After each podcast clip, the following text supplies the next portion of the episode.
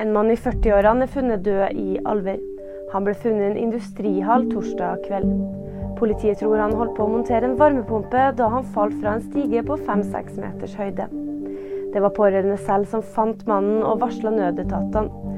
Det opplyser Vest politidistrikt i en pressemelding.